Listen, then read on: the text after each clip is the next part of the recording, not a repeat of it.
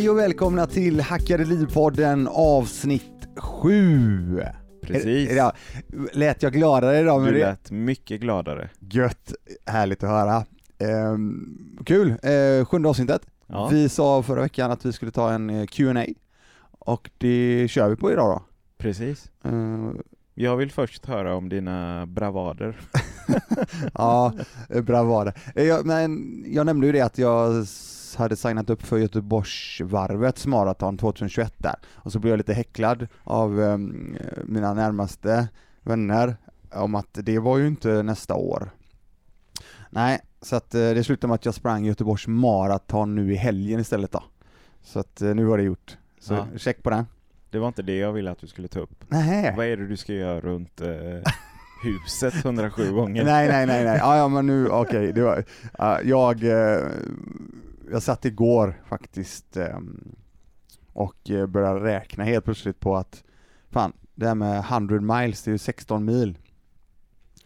Om jag springer runt Rudalen, det är ju en och en halv kilometer, så springer jag den 107 varv, så har jag ju faktiskt sprungit 16 mil. och så gör jag det då på under 24 timmar så har jag ju faktiskt gjort en 100 miles. Sen att inte det är i eh, USA eller någon annan schysst eh, del av världen som man kan se lite annat. Så att eh, återigen, det här är, vi får se var vi landar här alltså. Ja. Men vad fan, ett hackade ett livlopp kanske? Ja, jag tackar. Jag som känner dig vet ju att det här kommer att ske någon gång. Ja, Så vi får ju Vi- återkomma med det helt Ja, vi återkommer. Ehm, en, en annan sak som jag tycker är jättekul, som jag fick, ehm, och det är, ju, det är ju mycket av det, därför jag faktiskt har drog igång kontot, eh, och även det tidigare kontot som jag hade, som jag nämnt lite grann på Always Want To Be Gymnast när det gäller träning, alltså rörelse och vidare. Där, det, slutade med att jag åkte omkring i Sverige faktiskt och höll en hel del seminarier. Just det. Och eh, nu har jag faktiskt blivit inbjuden igen att hålla seminarier och den här gången är det inom fastighetsinvesteringar och hur det funkar. Så det blir skitkul. Så jag ska upp till eh, Dalarna i eh, december. En, en hel helg faktiskt. Och köra ett seminarium om det som jag gör. Är det öppet för allmänheten eller? Bara... Nej, det är faktiskt eh, folk som har, eh, som har eh, kontaktat mig som vill ha ja, ett, ett eget seminarium helt enkelt. Nice. Sen är det här, alltså det är ju hur kul som helst. Så jag bara blir, eh, jag blir väldigt, väldigt glad eh, att höra sånt. Verkligen. Mm. Eh, men vi hoppar in på avsnittet då, eh, Ja. Q&A. Q&A. Vi har fått eh, en hel del frågor, eh, löpande frågor. Eh, nu kommer ett axplock av dem. Ingen eh, ordning direkt, utan jag tar dem som de är, Gör det. uppifrån och ner. Och eh, en fråga, var jag kommer ifrån. Typ. jag, eh, Bangladesh. Nej, det gör jag inte. Nej, men jag är uppvuxen i Lindome. Född i Mölndal, uppvuxen i Lindome. Flyttade från Lindome när jag var 19 år till Västra Frölunda. Sen dess bor jag där ute. Småstadspojk då med andra ord. Ja. Det är gulligt. Ja. Jag gillar det. Ja. Ja. Men apropå det, var är du ifrån med det? Vilket land, tänker du? Det är jag inte så noga med. Var är Jag Göteborg? är, jag är från Iran, Ja. kom till Sverige när jag var två år gammal. Ja. Och du bodde Eh, just, Angeredsbarn. Ja, just det. Så är det. Och så flyttade jag in till eh, stan när jag var 18-19 ungefär. Och sen dess har jag bott väldigt centralt kan man säga. Det är, det är riktigt schysst där du bor. Tack. Eh, ska vi se. Jag har fått lite mer här. Vilken var den första aktien som du köpte? Mm. Jag, jag har ju berättat om vad jag gjorde när jag var 39 och framåt egentligen. Eh, däremot så hade jag ju någon, eh, någon inbildning av att jag skulle bli någon daytrader när jag var 21 någonstans. Och detta är ju lagom i samband med att IT-bubblan spricker. Ja. Jag, vet att det är noll, jag tror det är 0001 där någonstans, Ja. där alla, alla bolag hade sådana tokiga värderingar.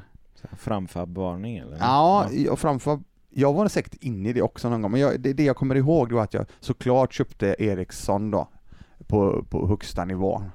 Och så kommer jag även ihåg att jag, eh, eh, som kanske ganska många andra svenskar gjorde, hoppade på Telia när den introducerades. Den här folkaktien då, som inte, ja det blev inte så jä- jättebra. Hur gick det med den? Ja, är, om man ser till int- introduktionskursen så var ju den väldigt, väldigt högt satt. Ja. Om man jämför med vad den sen gick ner på. Okej. Sen den hämtade, åter den, nu, nu, nu kanske jag pratar nattmössan här, men jag vet att den gick ner extremt mycket i alla fall. Ja. Så, och, och Eriksson vet nog de flesta att det gick väldigt, väldigt snabbt ner. Så Ja. att eh, jag gjorde inte eh, några jättebra affärer där som... Nej, du eh, blev inte miljonär på dem. Nej, Nej. eh, och det var inte bara de heller, utan det var ju några till där. Så jag tror jag brände mig ganska hårt där på jag tror jag brände en 30 till 40 000 kronor på, på, på den, eh, vid den tiden. Ja. Jättemycket pengar då, och även nu. Ja. Och det tog ju fram tills 2014 igen för att jag ens skulle gå in på börsen. Just det. Så jag brände mig ganska hårt. Så jag, det, det, ja. Vi lär oss Precis. förhoppningsvis saker. Men det blir ju erfarenhetsbank någonstans. Ja. Eh, ja, det, Det, låter bra att säga så i alla fall. ja men det är det. Ja, men det, det, det, är det verkligen. Sen har vi, vi tar nästa då. Vi hoppar på. Eh, vad betyder driftnetto? Mm. Då är vi inne på, då är vi inte inne på aktier längre utan då är vi inne på fastigheter. Och jag, nämnde, jag har ju nämnt det några gånger här, eller framförallt ett avsnitt. Ehm, Ett driftnetto, det är ett så kallat kassaflöde på en fastighet skulle jag säga. Ett driftnetto är hyresintäkterna eh, minus alla kostnaderna. Och så exkluderar du, eller tar du bort, ja, du räknar inte med eh, lånen och så vidare. det, kort sagt, det jag får in och, och de utgifterna jag har. Ja, Ja. driftnettot är summan av hyresintäkter minus Precis. kostnaderna. Ja. Och eh, jag har även nämnt det tidigare, säger det igen, när jag räknar på en fastighet så brukar jag alltid då eh, göra så att jag halverar hyresintäkterna. Jag tar alltså 50% på hyresintäkterna. Det är mitt driftnetto. Okej. Bara för att förklara det då, det är ju Ja. att ofta så är ju driftnettot, eller förlåt mig, eh, kostnaderna inte hälften av hyresintäkterna. Det ligger ju oftast betydligt lägre. Men bara för att kunna ta höjd för till exempel eh, att någon hjälper dig med fastigheten till exempel, eh, vakanser, eh, alltså det finns mycket som ligger i de där 50 procenten. Medan eh, de här som säljaren lämnar ut då, det, är- det är förmodligen det lägsta lägsta. Just det, för, Ja. att, för att sälja. Ja, till exempel för att det ska se lite bättre ut också. Såklart. Så att jag, jag, jag säger det, fem, när jag räknar på det så brukar jag alltid ta 50% Mm. för, att, för att ta höjd. Mm. Sen eh, har jag fått frågor också eh, löpande om eh, var jag hittar de olika fastighetsobjekten, eller fastigheterna. Det är en bra fråga. Det är en jättebra fråga. Som du inte kommer svara på. Nej, precis. Nej, vi tar nästa. Nej, Nej, men i alla fall. ehm, där jag började och även tittar fortfarande, det är objektvision.se. ja. Det, är, det är ungefär som Hemnet för eh, privata marknaden. ja. Eh, objektvision är mer då eh, kommersiella saker, kommersiella fastigheter. Framförallt, jag kollar på fastigheterna, det finns mer, det finns lokaler, det finns tomter, det finns andra saker där också. Jag tittar på fastigheterna då. Behöver man, kan privatpersoner köpa på objektvision.se? Absolut, alla Mm. kan gå in och titta och Ja. söka och det, det, är sam, det, är, det är som en, det är en massa olika mäklare som lägger ut då, eh, där. Ehm, och sen ju, ju mer jag har jobbat med det här och ju mer folk jag lär känna i branschen, ju mer när jag bygger relationer, det gör jag ju alltid när jag träffar människor på ett eller annat sätt, så, så får jag ju lite tips ibland Precis. om saker. Eh, Till exempel olika prospects där ute som, men du Christian, vad tror du om att titta på den här? Då kanske inte den ligger med på marknaden just där och då. Så att eh, det är också en grej tycker jag då att eh, när, när ni väl blir intresserade av de här grejerna och börjar med de sakerna så, så är det ju alltid bra att bygga relationer. Just det. Och eh, när vi ändå talar om eh, relationer och relationsbyggande så har jag även fått en fråga eh, rätt upp och ner, vilken bank ska jag välja? Då, måste jag, då säger jag så här att den banken som vill jobba med dig, Ja, förklara. ja, jag förklarar det genom att och då drar det då tillbaka till det här med relationer. Det handlar, det handlar om att på en bank kunna pitcha in eller sälja in det som du är intresserad av, eller det som du vill satsa på. Oavsett om det är ett bolag eller om det är en fastighet eller vad det än är. Du, du behöver ju ha en partner med dig i detta för du behöver ju ha kapital. Just det. Du vill ju inte lägga in alla pengar själv. Så då behöver ju du sälja in ditt koncept till personer. Och i den här införsäljningsprocessen då, när du pitchar in det, så kommer du, för du kommer kanske inte hitta rätt den första gången du gör det, till den banken eller den banken eller banken, utan fram tills dess att du hittar rätt, då, då, då, då hittar du den här relationen med den personen. Eller du hitt, kanske hittar någon som tror på dig och tror på konceptet, tror på de här siffrorna, känner att det här är någonting som jag ska satsa på. Där har du möjligheten att bygga vidare på den relationen, när du har fått den chansen av den banken.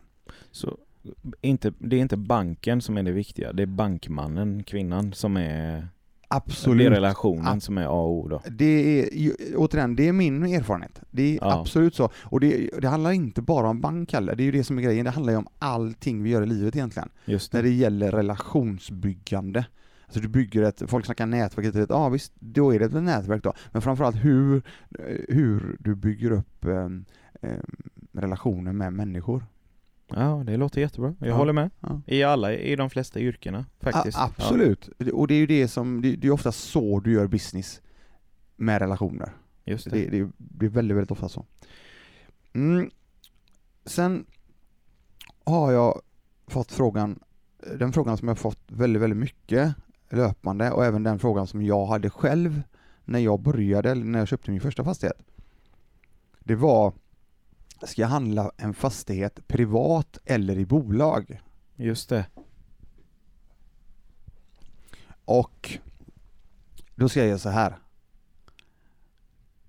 Den frågan ska inte bestämma om du ska köpa en fastighet eller inte. Utan bara gör det. Det gör ingenting om du köper en privat eller bolag. Det spelar ingen roll. Det handlar bara för att komma igång. Är det lite som att, ja jag har tänkt börja träna, vilket gym ska jag gå till? Ja men ta något bara för helvete. Ja, eh, för att det handlar ju bara om att bara gör det så att du kommer igång. Andra, tredje och så vidare fastigheten som du investerar sen, då är det en helt annan sak skulle jag säga, för då kan du tänka lite annorlunda. Det går vi inte in på nu, vi kan ta det längre fram. Om vi vänder på det då, Mm. varför kommer den frågan så ofta tror du? Eh, Vad är det som, eh, inte oroar någon, men eh, varför ställer man sig den frågan? Som vet- nybörjare? det var jättebra fundering och fråga där.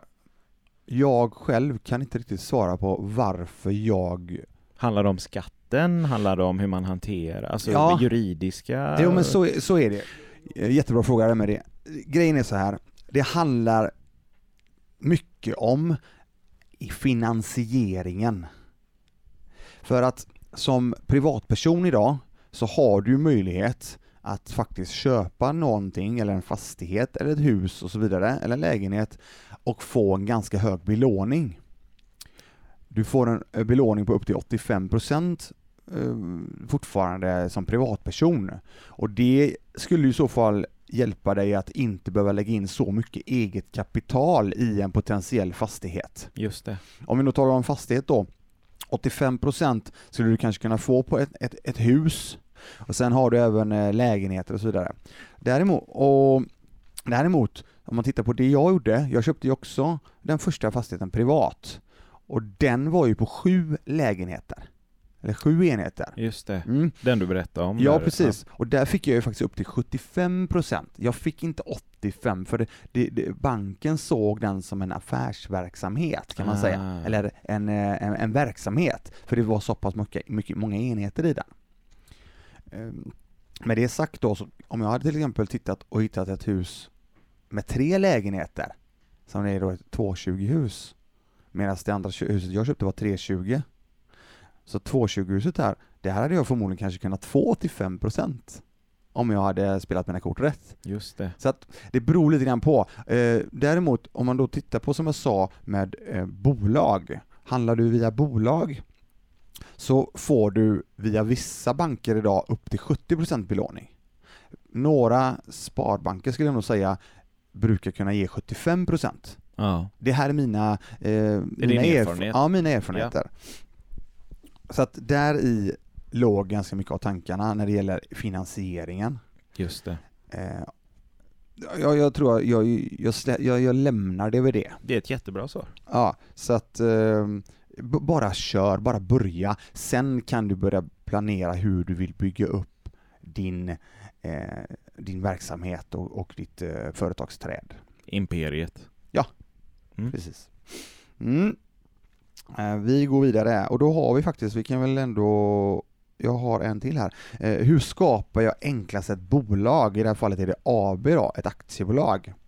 Då, är, mm, då finns det ju numera eh, Back in the day så var det ju inte alls så här. Däremot så har du en sida nu som heter verksam.se som är en fantastisk sida där du kan, där du kan skapa då ditt eh, aktiebolag, du kan skapa massa olika andra bolagsformer, men just aktiebolaget eh, är ju det som jag då har jobbat mycket med. Eller Den är med. jättepraktisk och bra. Du skriver in styrelsemedlemmar Jajamän. och allt möjligt. Och, Mm. ja, Så att, steg för steg helt ja, enkelt. och där har de ju sådana också, to do, eh, ehm, hur du gör och, ja det är jättebra. Precis. Mycket, och även en FAQ med mycket frågor och svar och så vidare.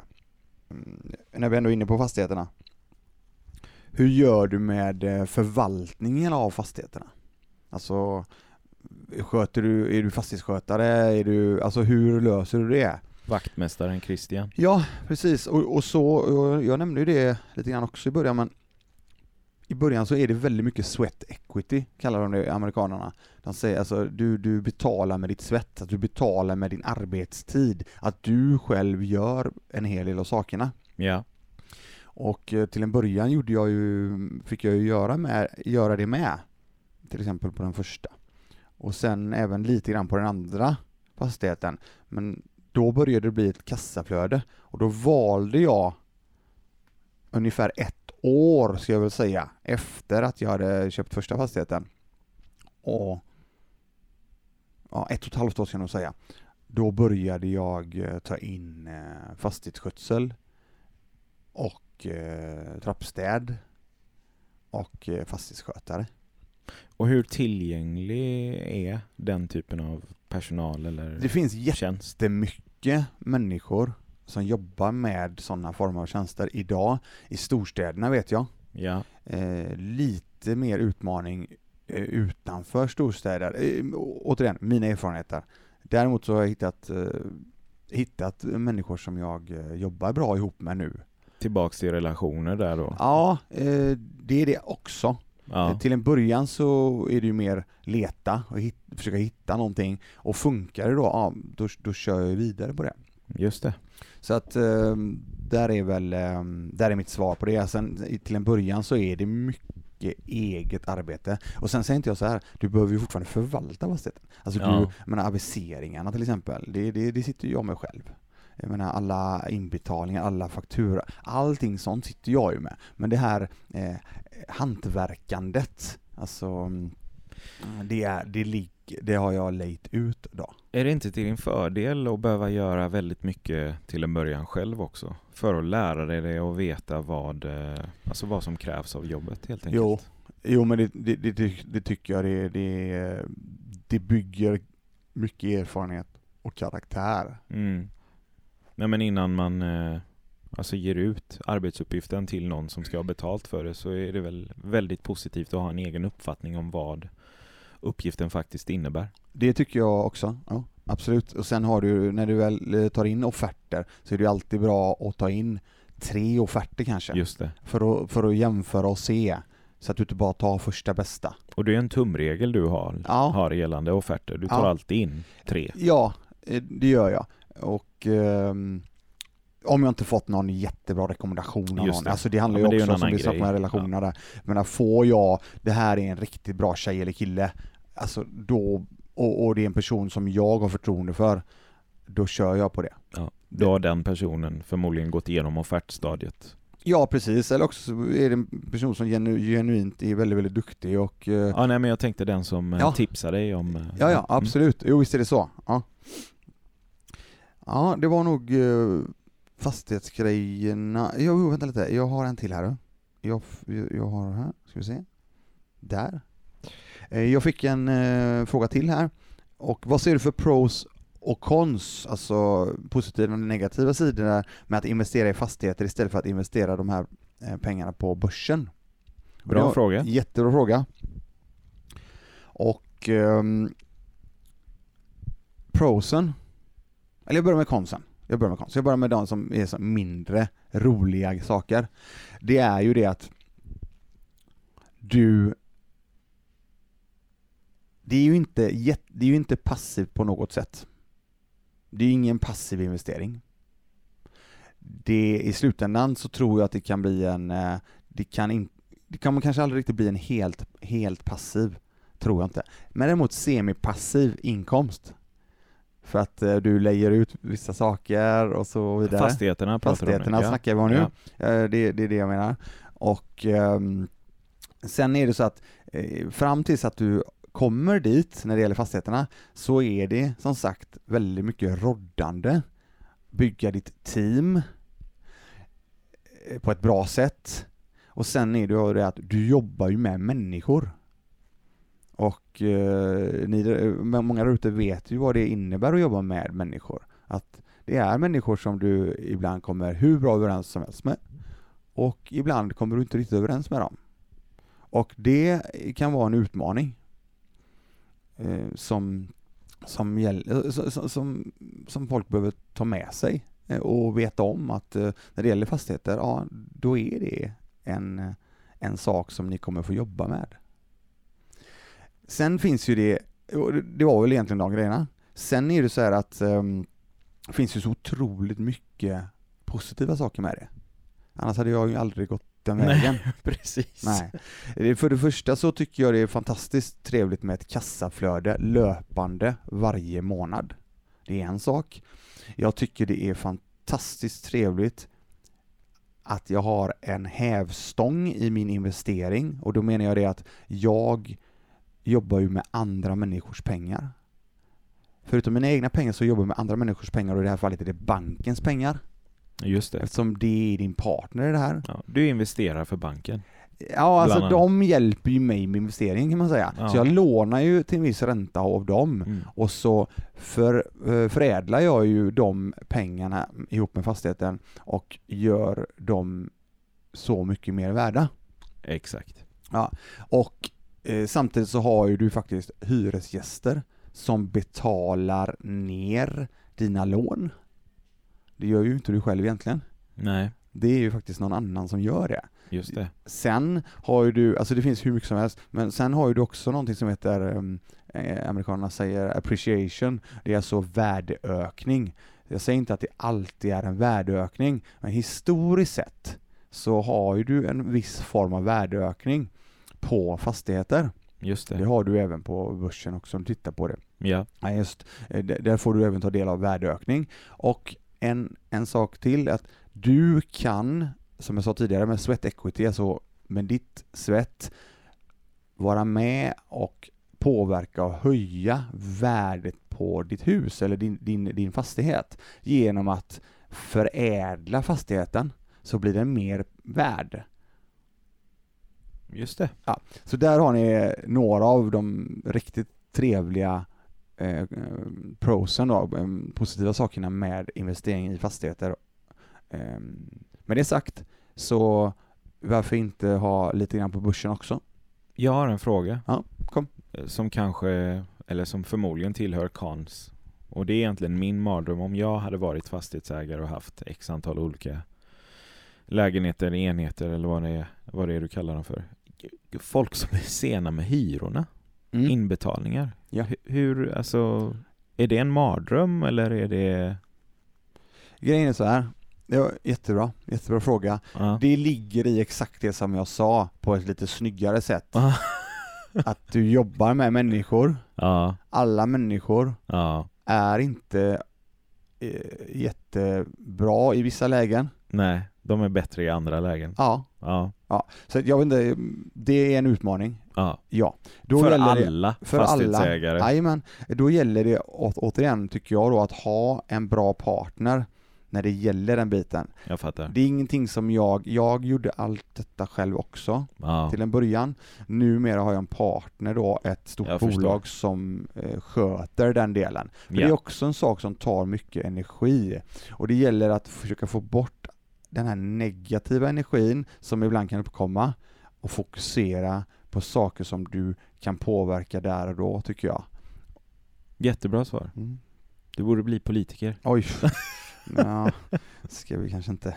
Okej, jag fick en fråga till här av samma person Ja. när det gäller eh, i ditt avsnitt angående kreditkort SAS Amex Eurobonuskortet eh, i detta fallet premiumkortet då så eh, frågar personen frågar om den här spenderingen ja. eh, en spendering för SAS Amex Premium en spendering på 150 000 kronor För att få voucher. för att få, ja, precis, det är Ja. bra där. Nej. För att få vouchern, två för en. Ja. Ja. Ehm, det handlar ju om att, alltså, och, och fullfrågan var då hur jag budgeterar för att få, få, alltså, få gjort de här, alltså för, för att spendera de här 150 000 kronor. Hur klarar jag att spendera 150 000? Skitlätt. Ja det är jättelätt. Börja köpa skor. Ja, köp skor. Nej men alltså grejen är, det är ganska enkelt. För som jag sa, jag tycker verkligen att eh, folk där ute i så fall ska titta på hur mycket de faktiskt omsätter på ett år. Och jag lovar att det är bra mer än 150 000. Återigen, jag ska säga så här, det kanske inte är så att du, det, eller det kanske är så att du pluggar och lever på eh, ramen noodles heter de väl? eh, Ja. Eller nudlar heter ja. väl det? Svingoda var de i alla fall, minns jag. ja. Men återigen, då är det väl kanske inte det här kortet du ska jobba med. Nej. Däremot så har du en, ja, vi säger att du jobbar till exempel, där är du ute och, eh, och du har din hyra och du har, ehm, du har allting som kommer där till så är 150 000 kronor inte svårt att spendera på det här Amex-kortet. Och lite handlar det om att det handlar inte om att spendera 150 000 ut, utöver vad du spenderar, utan de 150 du spenderar ska du spendera genom det kortet. Exakt. Ja. Det, det, det är precis så, bra förklarat där. För att det är, jag har, en polare till mig som jag vet hade exakt samma tänk, man, det kommer aldrig, hur ska jag kunna få ge, hur ska det här funka? Mm. Det tog ett halvår så hade han sin voucher. Precis. Alltså, så att jag tror att du utan problem löser en voucher på Mm. ett år, beroende på då såklart din livssituation. Jag skulle säga att den frågan kanske dyker upp av en person som inte har satt sin budget och, och så, än. Och- Eller sett över, Mm. det, du Det tog kan upp det i något Ja. avsnitt, det här Ja. med att se över vad man, hur mycket man faktiskt spenderar och när man spenderar. Jag menar, ta, ta, ta de tre sista månaderna och se över hur mycket du spenderar och vart du spenderar det och ta det sen gånger fyra. Ja, absolut.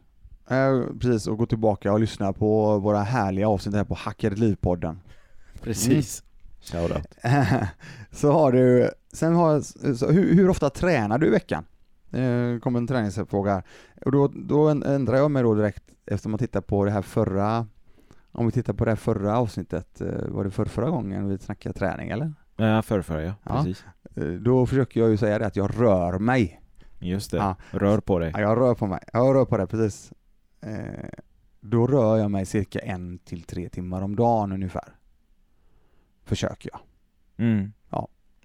Hoppar du hopprep då eller vad fan? Nej men, nej men alltså en till tre timmar om Christian. dagen. Jag har på senare tid fått in tre, tre träningspass i veckan och Ja, är ja. väldigt nöjd. Ja. Och här sitter du och säger mellan en till tre timmar om dagen. Jo men å- återigen, nu ska jag bara säga det också att en till tre timmar om dagen, det skulle, alltså många gånger så är det kanske att jag håller, ehm, låt säga att jag håller två pass på en dag, eh, där jag faktiskt får röra mig åtminstone en timme på de två passen, Ja. bara där.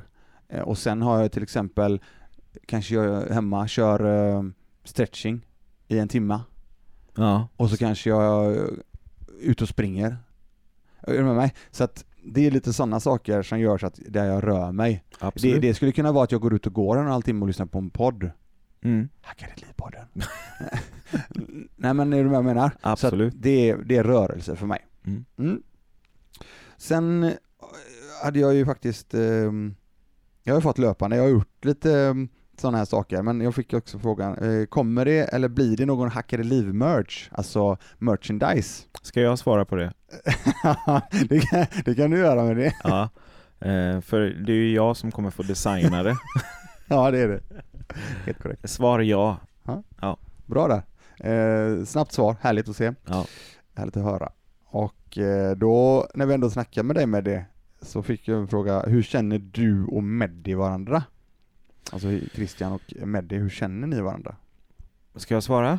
Ja, Du kan väl börja, det var roligt att höra vad du, eh, vad, du- hur- ja, vad du tycker. Det är ju genom vår gode vän Hamid Khorazani, eller Akira Khorazani egentligen. Precis. Eh, en eh, före detta får man säga UFC-fighter. Nu har de flesta koll på vem det är. Tränar Lina Länsberg idag och driver eh, Redline Training Center nere i Malmö. Eh, han hookade upp oss eh, när jag letade efter, ska vi se om jag säger det här rätt nu. Nej, det gör jag inte. Det, alltså, det var ju inte genom Orkbite vi träffades först, Nej. utan det var I Root for Ja, du hade en idé. varumärke. Precis, jag hade en idé och- för det här klassiska t-shirtsbolaget. Hamid hookade upp mig och dig. Mm. Och vi klickade ganska omgående. Ja, vi satt på Condeco kommer jag ihåg, på Just Avenyn. Just det. Eh, satt och Just snackade. det, du Mm. kom där i din farfars mössa och läderjacka Ja, och saknade en tand. Jag tänkte, Ja, jag. fan är det Ja, här? just det. Och sen hade jag nog, eh, då hade jag nog också min eh, stripade eh, Nissan Juke med stora feta Orkbite-loggor på. Det stämmer. Vita loggor, stora eh, sådana orsvett var det. Det stämmer. Eh, och detta var ju strax, jag tror detta var 11-12 där. Vi, för vi drog igång sen och, gjo- och gjorde en hel, hel revamp på Orkbite då. Det är ju det här Precis. klädesmärket som jag, vi säkert kommer dra en story om längre fram sen. Det kan vi ta För nästa en, avsnitt. Ja, det är en riktig resa som är fantastisk också. Ja. Lärt oss mycket på det. Och då började vi hänga och eh, jobba tillsammans och, eh, och vi, tillsammans med dig så byggde vi om hela Orkbite kan man säga. Precis. Ja.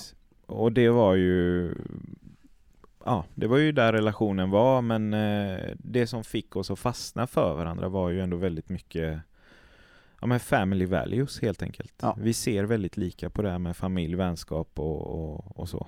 Eh, ja, samma, väldigt liknande värderingar Mm. tycker jag ändå. Absolut. Ja. Och det är ju, ja det är ju, ja, det är ju sju år då i år. Så det är Fan, ska vi fira det? Nej, eller? jag vet inte. vi får kan göra det. jogga en timma. Sju, ja, precis. du är välkommen att hänga med mig. Jag har tänkt att, ska vi ut och röra mig här snart. Ja. Nej men, eh, ja, det, men på den vägen är det. Och sen, men, men jag tycker verkligen att vi ska ta ett avsnitt om Orkbite också, för det, det är ju en resa i sig. Verkligen. Eh, riktigt kul. Ja. Mm. Eh, jag- känner att vi är lite nöjda där. Vi har, eh, det, det kommer mer frågor, bara fortsätta skicka. Jag fick senast eh, idag några till här som inte jag hinner kolla upp nu. Nej, Eh, så det att- blir fler Q&As Precis, klart. fler Q&As. Mitt mål, ska jag säga till dig också med det, det är att få hit några gäster också. Ja, Jag har några idéer där, så Ja. jag tänkte vi skulle snacka om det efter podden. Ja. Så jag tror det kan bli riktigt intressant, människor som inspirerar mig jättemycket. jag skulle vilja uppmana lyssnarna till att komma med förslag på vem de hade velat ha som gäst Ja. också. Ja. Så är det någon ni tänker på där som hade passat bra i det här poddformatet så uh, hojta till så ska ja. vi se över. Gör det, det här är jättekul. Och eh, ha en jättebra dag där ute och all in. Ja, hej så länge. Hej!